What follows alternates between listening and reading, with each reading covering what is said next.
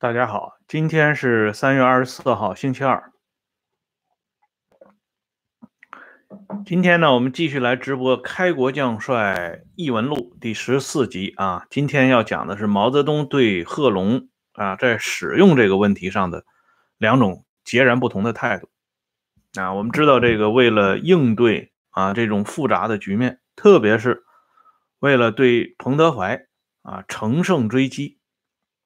把彭德怀背后的这个啊所谓的黑幕挖穿、挖透啊，毛泽东呢启用了贺龙。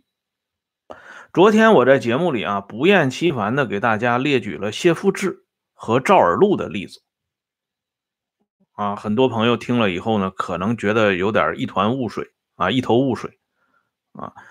这里边呢，我再详细给大家介绍一下谢富治。在一九六三年一月份一月初啊，过完元旦，为毛泽东办了一件大事就是抓捕了刘少奇在抗日战争时期的秘书、历史学家吕振宇。对吕振宇进行隔离审查过程当中呢，啊，表面上看是外松，其实呢是内紧，逼迫吕振宇交代一系列啊，在抗日战争时期的材料。啊，就是康生的那个观点，让他不停的写个人的自述材料，从这些自述材料里边呢，对比出自相矛盾的地方，这样呢，抓住重点，持续突击审问，最终打垮这个人的精神防线和心理防线，以至于呢，让他说什么他就说什么。啊，这是康生呢在苏联学的这一套啊，这个。专案的这个办法，所以呢，也自然用到吕振宇的身上。而抓捕吕振宇呢，针对是什么人，已经很清楚了。这件事情呢，在当时只有谢富治知道啊，甚至连周恩来都不知道。还有一件事情呢，昨天我们讲到了啊，赵尔陆被邓小平给拎了出来。毛泽东要反这个死官僚主义分子，可是邓小平呢却把赵尔陆给提了出来，这样呢，毛泽东犹豫，结果呢，把这个死官僚主义分子化为人民内部矛盾。这里边呢，因为昨天时间的原因没有铺开讲，对于毛要搞的一些事情，党内没有人敢打折扣的。包括刘少奇、周恩来这样的重量级人物，不敢打折扣的。毛是说一不二的，唯一啊敢对毛的指示做阳奉阴违，或者稍作改动，或者啊置之不理的，只有两个人，一个是邓小平，一个是林彪。啊，这是一顶一的亲信呐。关于邓小平这个胆量的问题啊，邱会作晚年同他的儿子邱成光父子之间有一段对话，邱会作就讲过啊，敢对主席的指示啊放在一边不管，这只有邓小平能干出来，邓有这个胆量啊，这也就说明啊，在这方面。邓小平呢，确实是有与众不同的地方啊。昨天讲这个赵尔陆的这个例子，其实也就是这一点。但是呢，啊，这里边我要讲一句：毛泽东对亲信的使用和筛选啊，包括如何把他安排到什么样的岗位上，针对什么样的人，毛是有一个通盘的考虑的。他不会因为邓小平暂时。啊，从这个挟持里啊杀出来，啊打乱了他的这个原原来的计划啊，就改变对某一个人固有的看法。如果是那样的话，他就不是毛泽东了啊！别看邓小平把赵尔陆这个事情拎出来，但是丝毫没影响啊毛对赵尔陆的信任。贺龙在上个世纪六十年代初被毛泽东点名。另搞了一个国防工业口，贺龙搞的这个国防工业口呢，和聂荣臻主管的这个国防科委这个口呢，是相对立的。这是毛一贯的做法啊，不会让某一个人大权独揽，或者是独霸一方。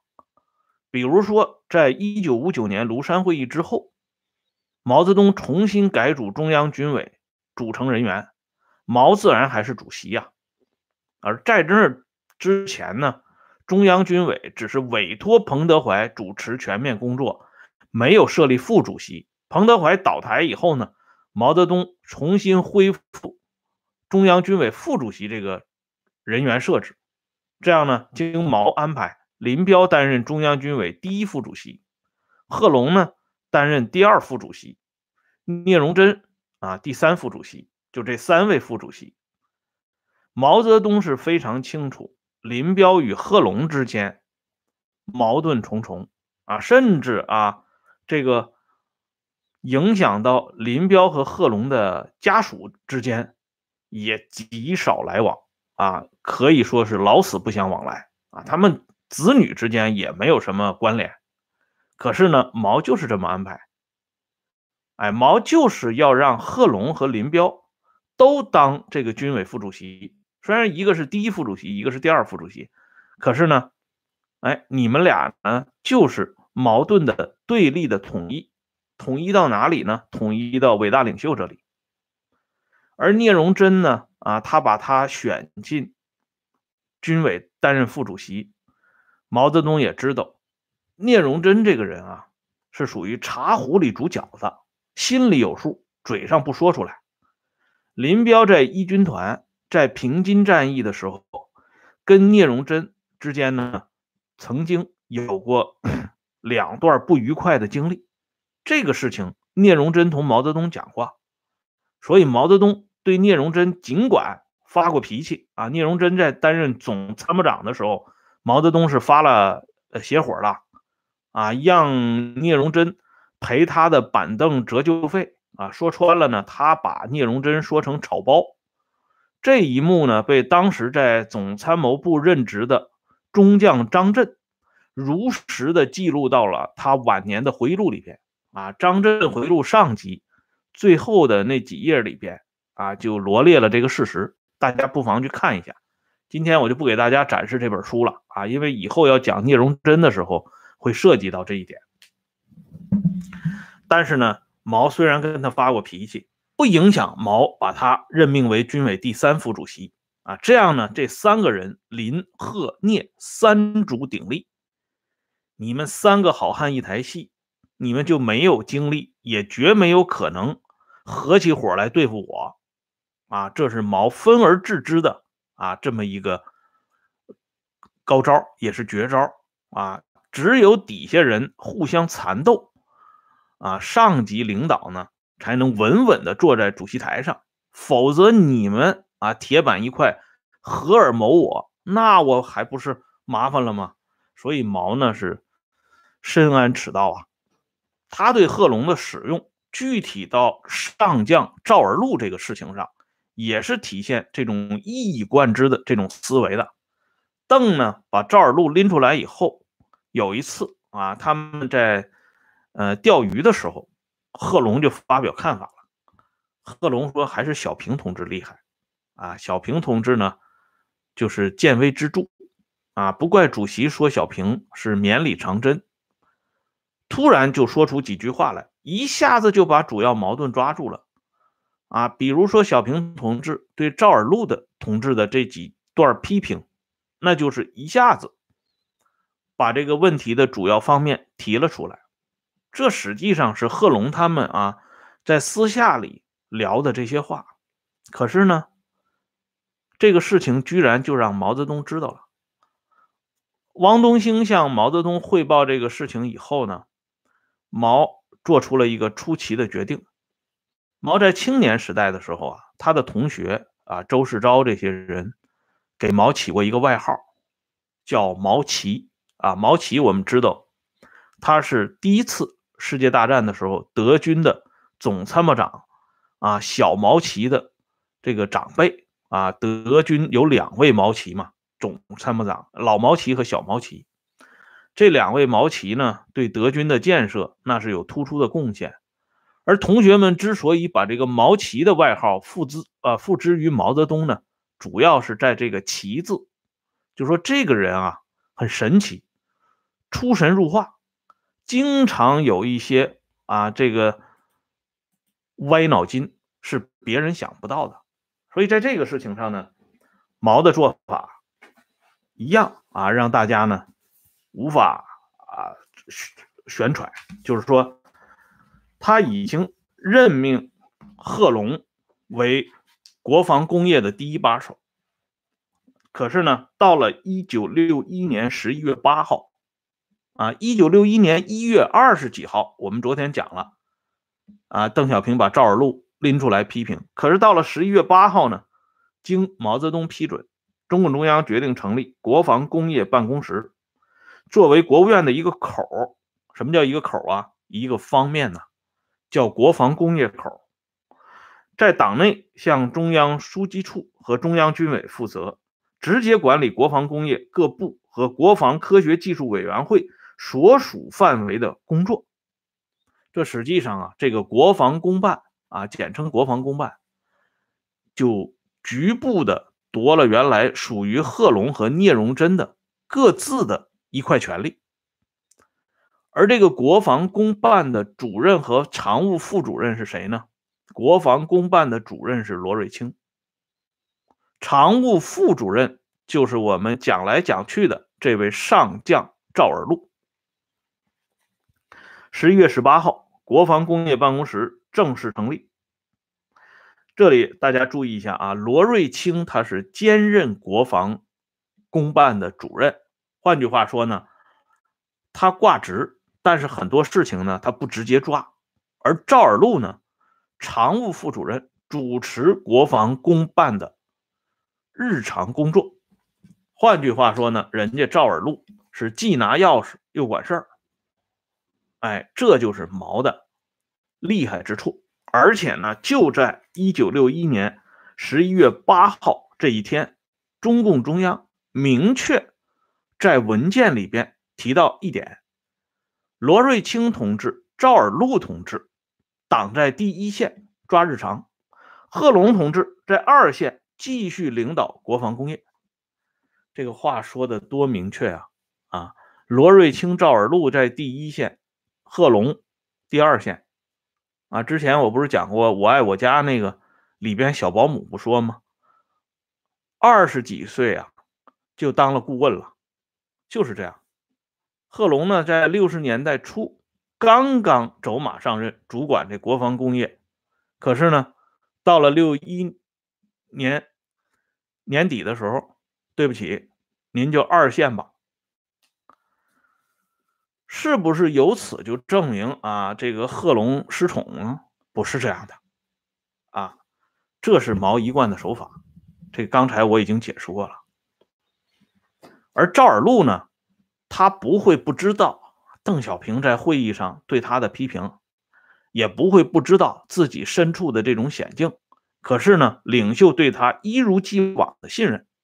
这位井冈山的老同志呢，怎么能够不感激涕零、挖空心思的为领袖服务呢？赵尔陆这个人本来啊，他就是有这方面的啊性格，就说我不在乎别人说我什么。我只需要对领袖负责，这就本身就有一种在所不惜的这种拼命的劲头。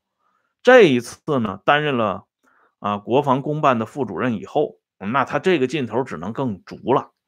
他这个劲头越足，领袖呢对这个口子，就国防工业这个口子管控呢就越来越得力啊。这是毛的用人之道，一般人呢。啊，估计是学不学不了的。另外一方面呢，毛泽东继续信任贺龙，信任到什么程度呢？啊，这里呢有一个非常关键的啊记记载，也是在贺龙年谱里边，就是一九六三年九月二十七号，毛泽东在中南海颐年堂召开中共中央政治局常委扩大会议。这个中央政治局常委扩大会议呢，是毛自己提出来的，啊，毛提出来什么呢？毛说我要找这么几位同志啊，专门谈军队的问题。当时呢，毛点了名，一共啊点了九个人啊，只有这九个人才能跟毛泽东一起讨论军队的问题。哪九个人呢？毛泽东说了：王恩茂、罗瑞卿、贺龙、萧华、谢富治。周恩来、朱德、陈毅、杨成武共九名同志谈一次话，讨论军事准备问题。谈话在中南海颐年堂进行。这次会议呢，就是中央政治局常委扩大会议。这里边啊，谈到谢富治啊，其实这我们看一下这九个人当中啊，其他的那八个人都跟军队。有直接的关系。这谢富治呢，这个时候某种意义上讲，他是国务院系列的啊，就是公安部部长、人民武装警察部队的司令员和第一政治委员。其他呢，他没有啊，跟这个军事直接挂钩的兼职。但是毛泽东为什么把谢富治给提出来了？哎，这就回应了我一开始讲的那个话。一九六三年十月二十五号，毛泽东在长沙。起草关于农村社会主义教育运动中的一些具体问题草案的通知，啊，我们都知道，社教运动就是四清。二十六号这一天做出批示，大家注意一下这个名字的排名啊，党内最关注的就是排名：少奇、恩来、朱德、小平、彭真、傅志、瑞清、博达、尚昆、嘉英、同志、月。开会讨论一次，后边我就不念了啊。从这个排序里边，我们可以看到，谢富治排在罗瑞卿前面，更排在陈伯达和杨尚昆前面。哎，当时的谢富治既不是中央政治局成员，也不是中央书记处成员，他呢，居然能排在新当选的中央书记处书记罗瑞卿的前面。也能排名到中共八届中央政治局候补委员陈伯达的前面，还能排在八届中央书记处候补书记杨尚昆的前面，可见呢，谢富治那个时候的实际地位。接下来呢，还有一个是一九六三年十一月二十一号这一天发生的事情，谢富治呢写了一个报告，递到汪东兴的手里啊，转呈给毛泽东。他是在第二届全国人大第四次会议上的发言稿，啊，谢富治的发言稿都要请毛泽东来把关，而毛呢看了这个东西以后，在发言稿上批示：复制彭真同志，此件看过，很好。啊，谢富治的排名又在彭真的前面，而那个时候彭真是。政治局委员、书记呃书记处书记，啊，还有这个其他的兼职，我就不念了。更主要的是，彭真本身就是谢富治的顶头上司，主管中央政法战线的全盘工作。可是呢，毛居然毫不犹豫的把谢富治的名字排到了彭真的前面，这就是毛用人的风格，就这么搞。所以呢，回到。一九六三年九月二十七号这一天，颐年堂的中央常委扩大会议上，我们要讲的是什么呢？因为在这一天，毛泽东亲自提名贺龙。啊，九月二十八号，在这次会议上，毛泽东亲自提名贺龙主持中央军委日常工作。毛泽东的理由是林彪同志。长期生病，身体不好，无法啊照顾到全局性的工作。这样呢，我们之前在庐山会议之后就已经讲好了，林彪是军委第一副主席，林在家，林主持；贺龙是军委第二副主席，林不在家，贺主持。所以呢，现在我提议贺龙同志主持军委日常工作。啊，你看这前后，这个整个的贯穿的是融会贯通啊，滴水不漏。生病的林彪无话可讲，而这个虎虎生风的贺龙呢，是满心欢喜。之前还在为这个为什么突然从这个国防工业口子里面二线感到有些狐疑的贺龙呢，马上又精神百倍的。投入到新的工作当中去了，领袖对他的信赖一如既往，甚至呢还有点加倍的感觉。那么毛泽东为什么啊，在一九六一年十一月份啊让赵尔陆他们走到前台，而突然又在一九六三年九月份把贺龙提到这么高的位置上？要知道啊，贺龙在一九六三年九月二十七号和二十八号这两天走上军委。主持日常工作的副主席的这个岗位上来，是贺龙这一生政治巅峰。两年以后啊，就是上海会议召开以后，贺龙就完了。啊，虽然呢没有这个，嗯，像后来那么惨啊，但实际上贺龙的地位已经是摇摇欲坠了。啊，这包括贺龙自己啊，他也有感觉。可是呢，毛为什么要把贺龙推到这个顶峰上呢？这里边呢，就要提到一点啊，原因呢，就是由彭德怀引起来的。因为在一九六三年七月五号这一天，彭德怀在傍晚散步的路上说了一句话。彭德怀说了什么话呢？彭德怀说，他的原话是这样啊：斯大林后期思想上有点简单，处理问题也不考虑。表面上看，彭德怀是在啊评价一个早已经去世的前苏联的这个领导人，可是这段话呢，被完完整整的汇报到了汪东兴那里。啊，自然呢也就落进了领袖的耳朵里。七月五号发生这件事情，九月二十七号、二十八号，毛呢就把贺龙提到关键岗位上，这两者之间是有着必然的联系的啊。正如毛自己经常讲的那句话：“从来就没有无缘无故的爱，从来也就没有无缘无故的恨。”而彭德怀散步时候说的话，怎么就能够？啊，被传递到汪东兴那里呢？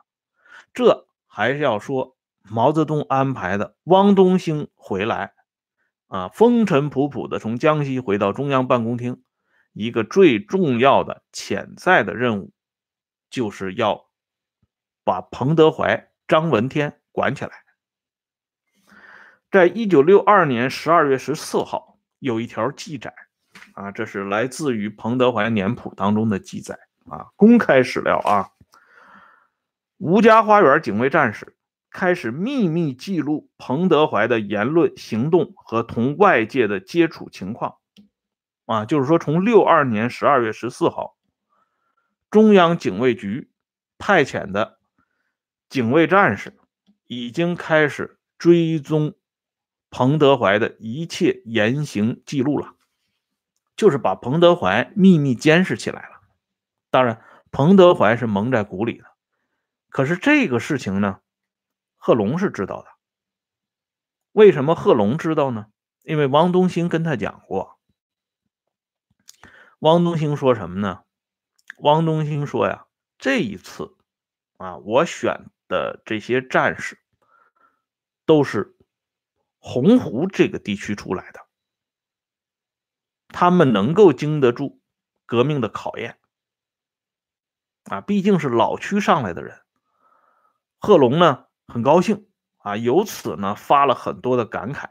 啊，就是又回顾起他当年啊领导这个红二军团在洪湖根据地。啊，其实洪湖跟他没啥关系啊，他的洪湖是人家段德昌搞的，但是呢他已经篡夺了这个段德昌的这胜利果实，所以他就坡下驴啊，就把这洪湖这个事儿呢，又重新跟汪东兴说了一遍。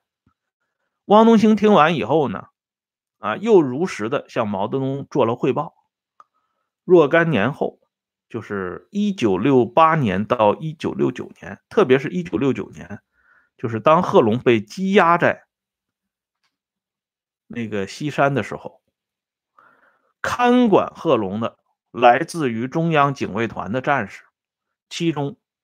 好几个都是由汪东兴挑选的，出身于洪湖的战士，所以那个时候呢，贺龙啊跟人家还曾经啊套过近乎啊，听人家口音啊是那个地区的啊，彼此呢还做了交谈。而这些洪湖籍的战士呢，比那些其他籍贯的战士更认真、更负责，把贺龙说的每一句话，甚至啊。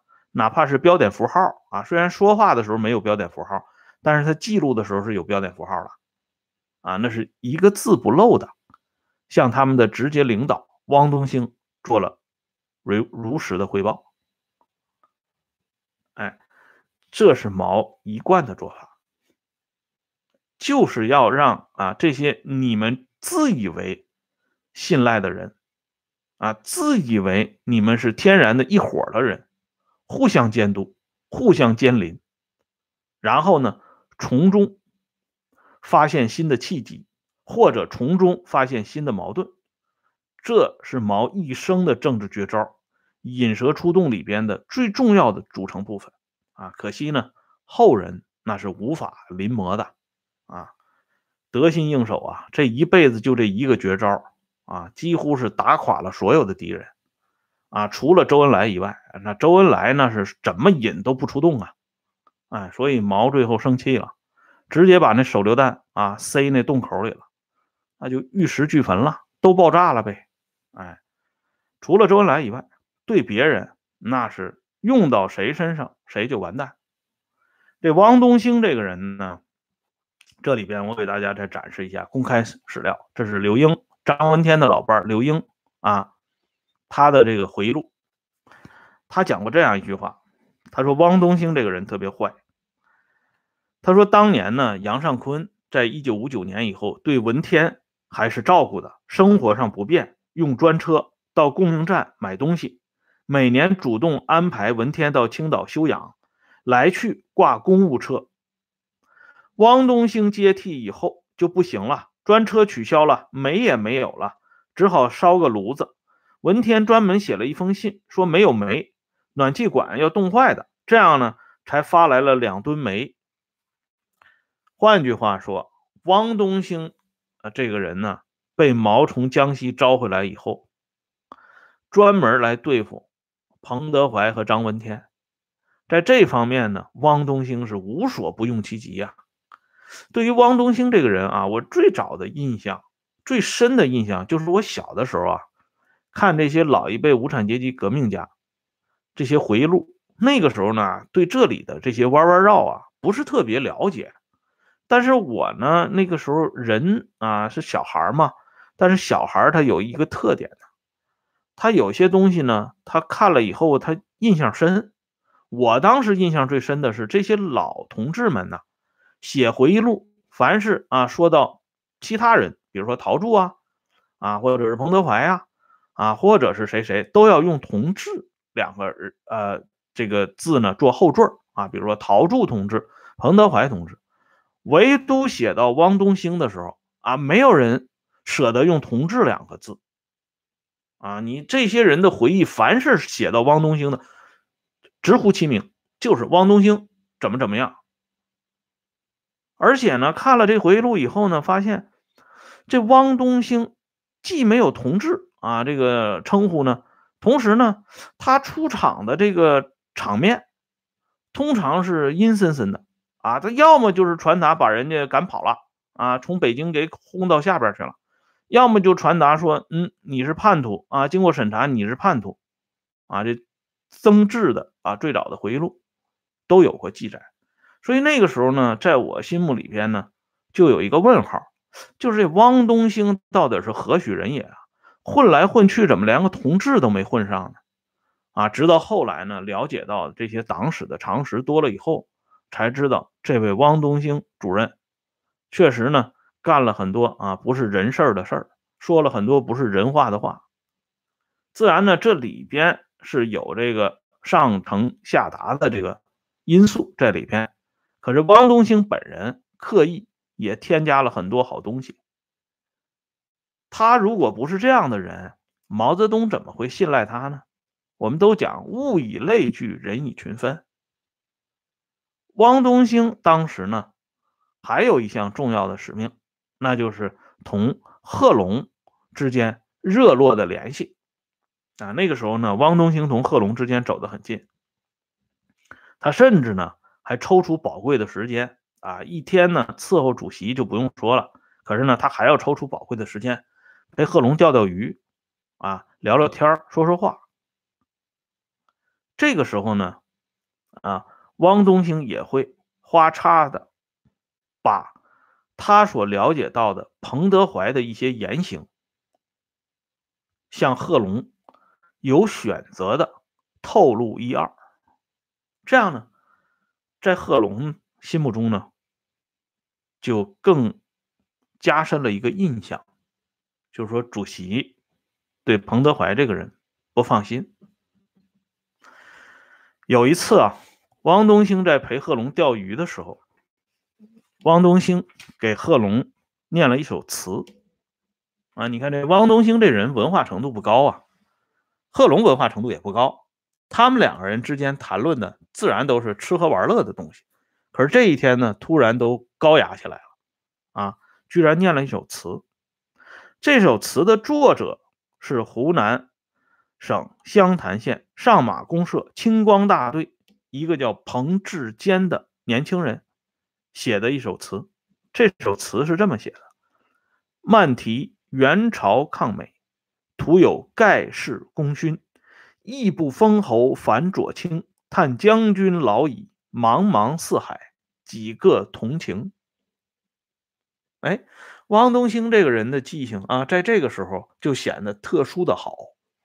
这么一首词啊，他能够一个字不落的就背下来了，然后就告诉彭德，告诉贺龙了。贺龙听完以后沉默良久，最后说了一句话：“这是有迹象了。”就这一句话，这是有迹象了。哎，汪东兴呢就把贺龙的这些话，又马上向领袖汇报。领袖呢？就决定召开了这个颐年堂的中央政治局常委扩大会议，就决定了在这次会议上把贺龙推出来担任主持军委日常工作的副主席。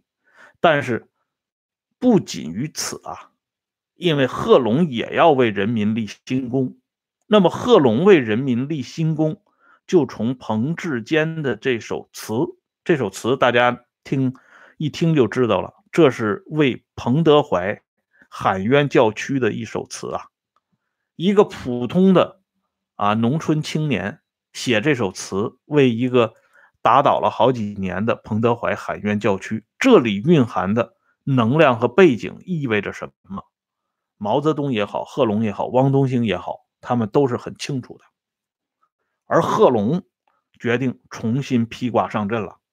哎，他把自己的嗅觉放大到若干倍，他一定要抓住一个突破口。那么这个突破口在哪里呢？最终锁定了另外一个开国少将，此人呢就是担任湖南省军区副司令员的吴自立。为什么贺龙决定锁定吴自立少将作为突破口呢？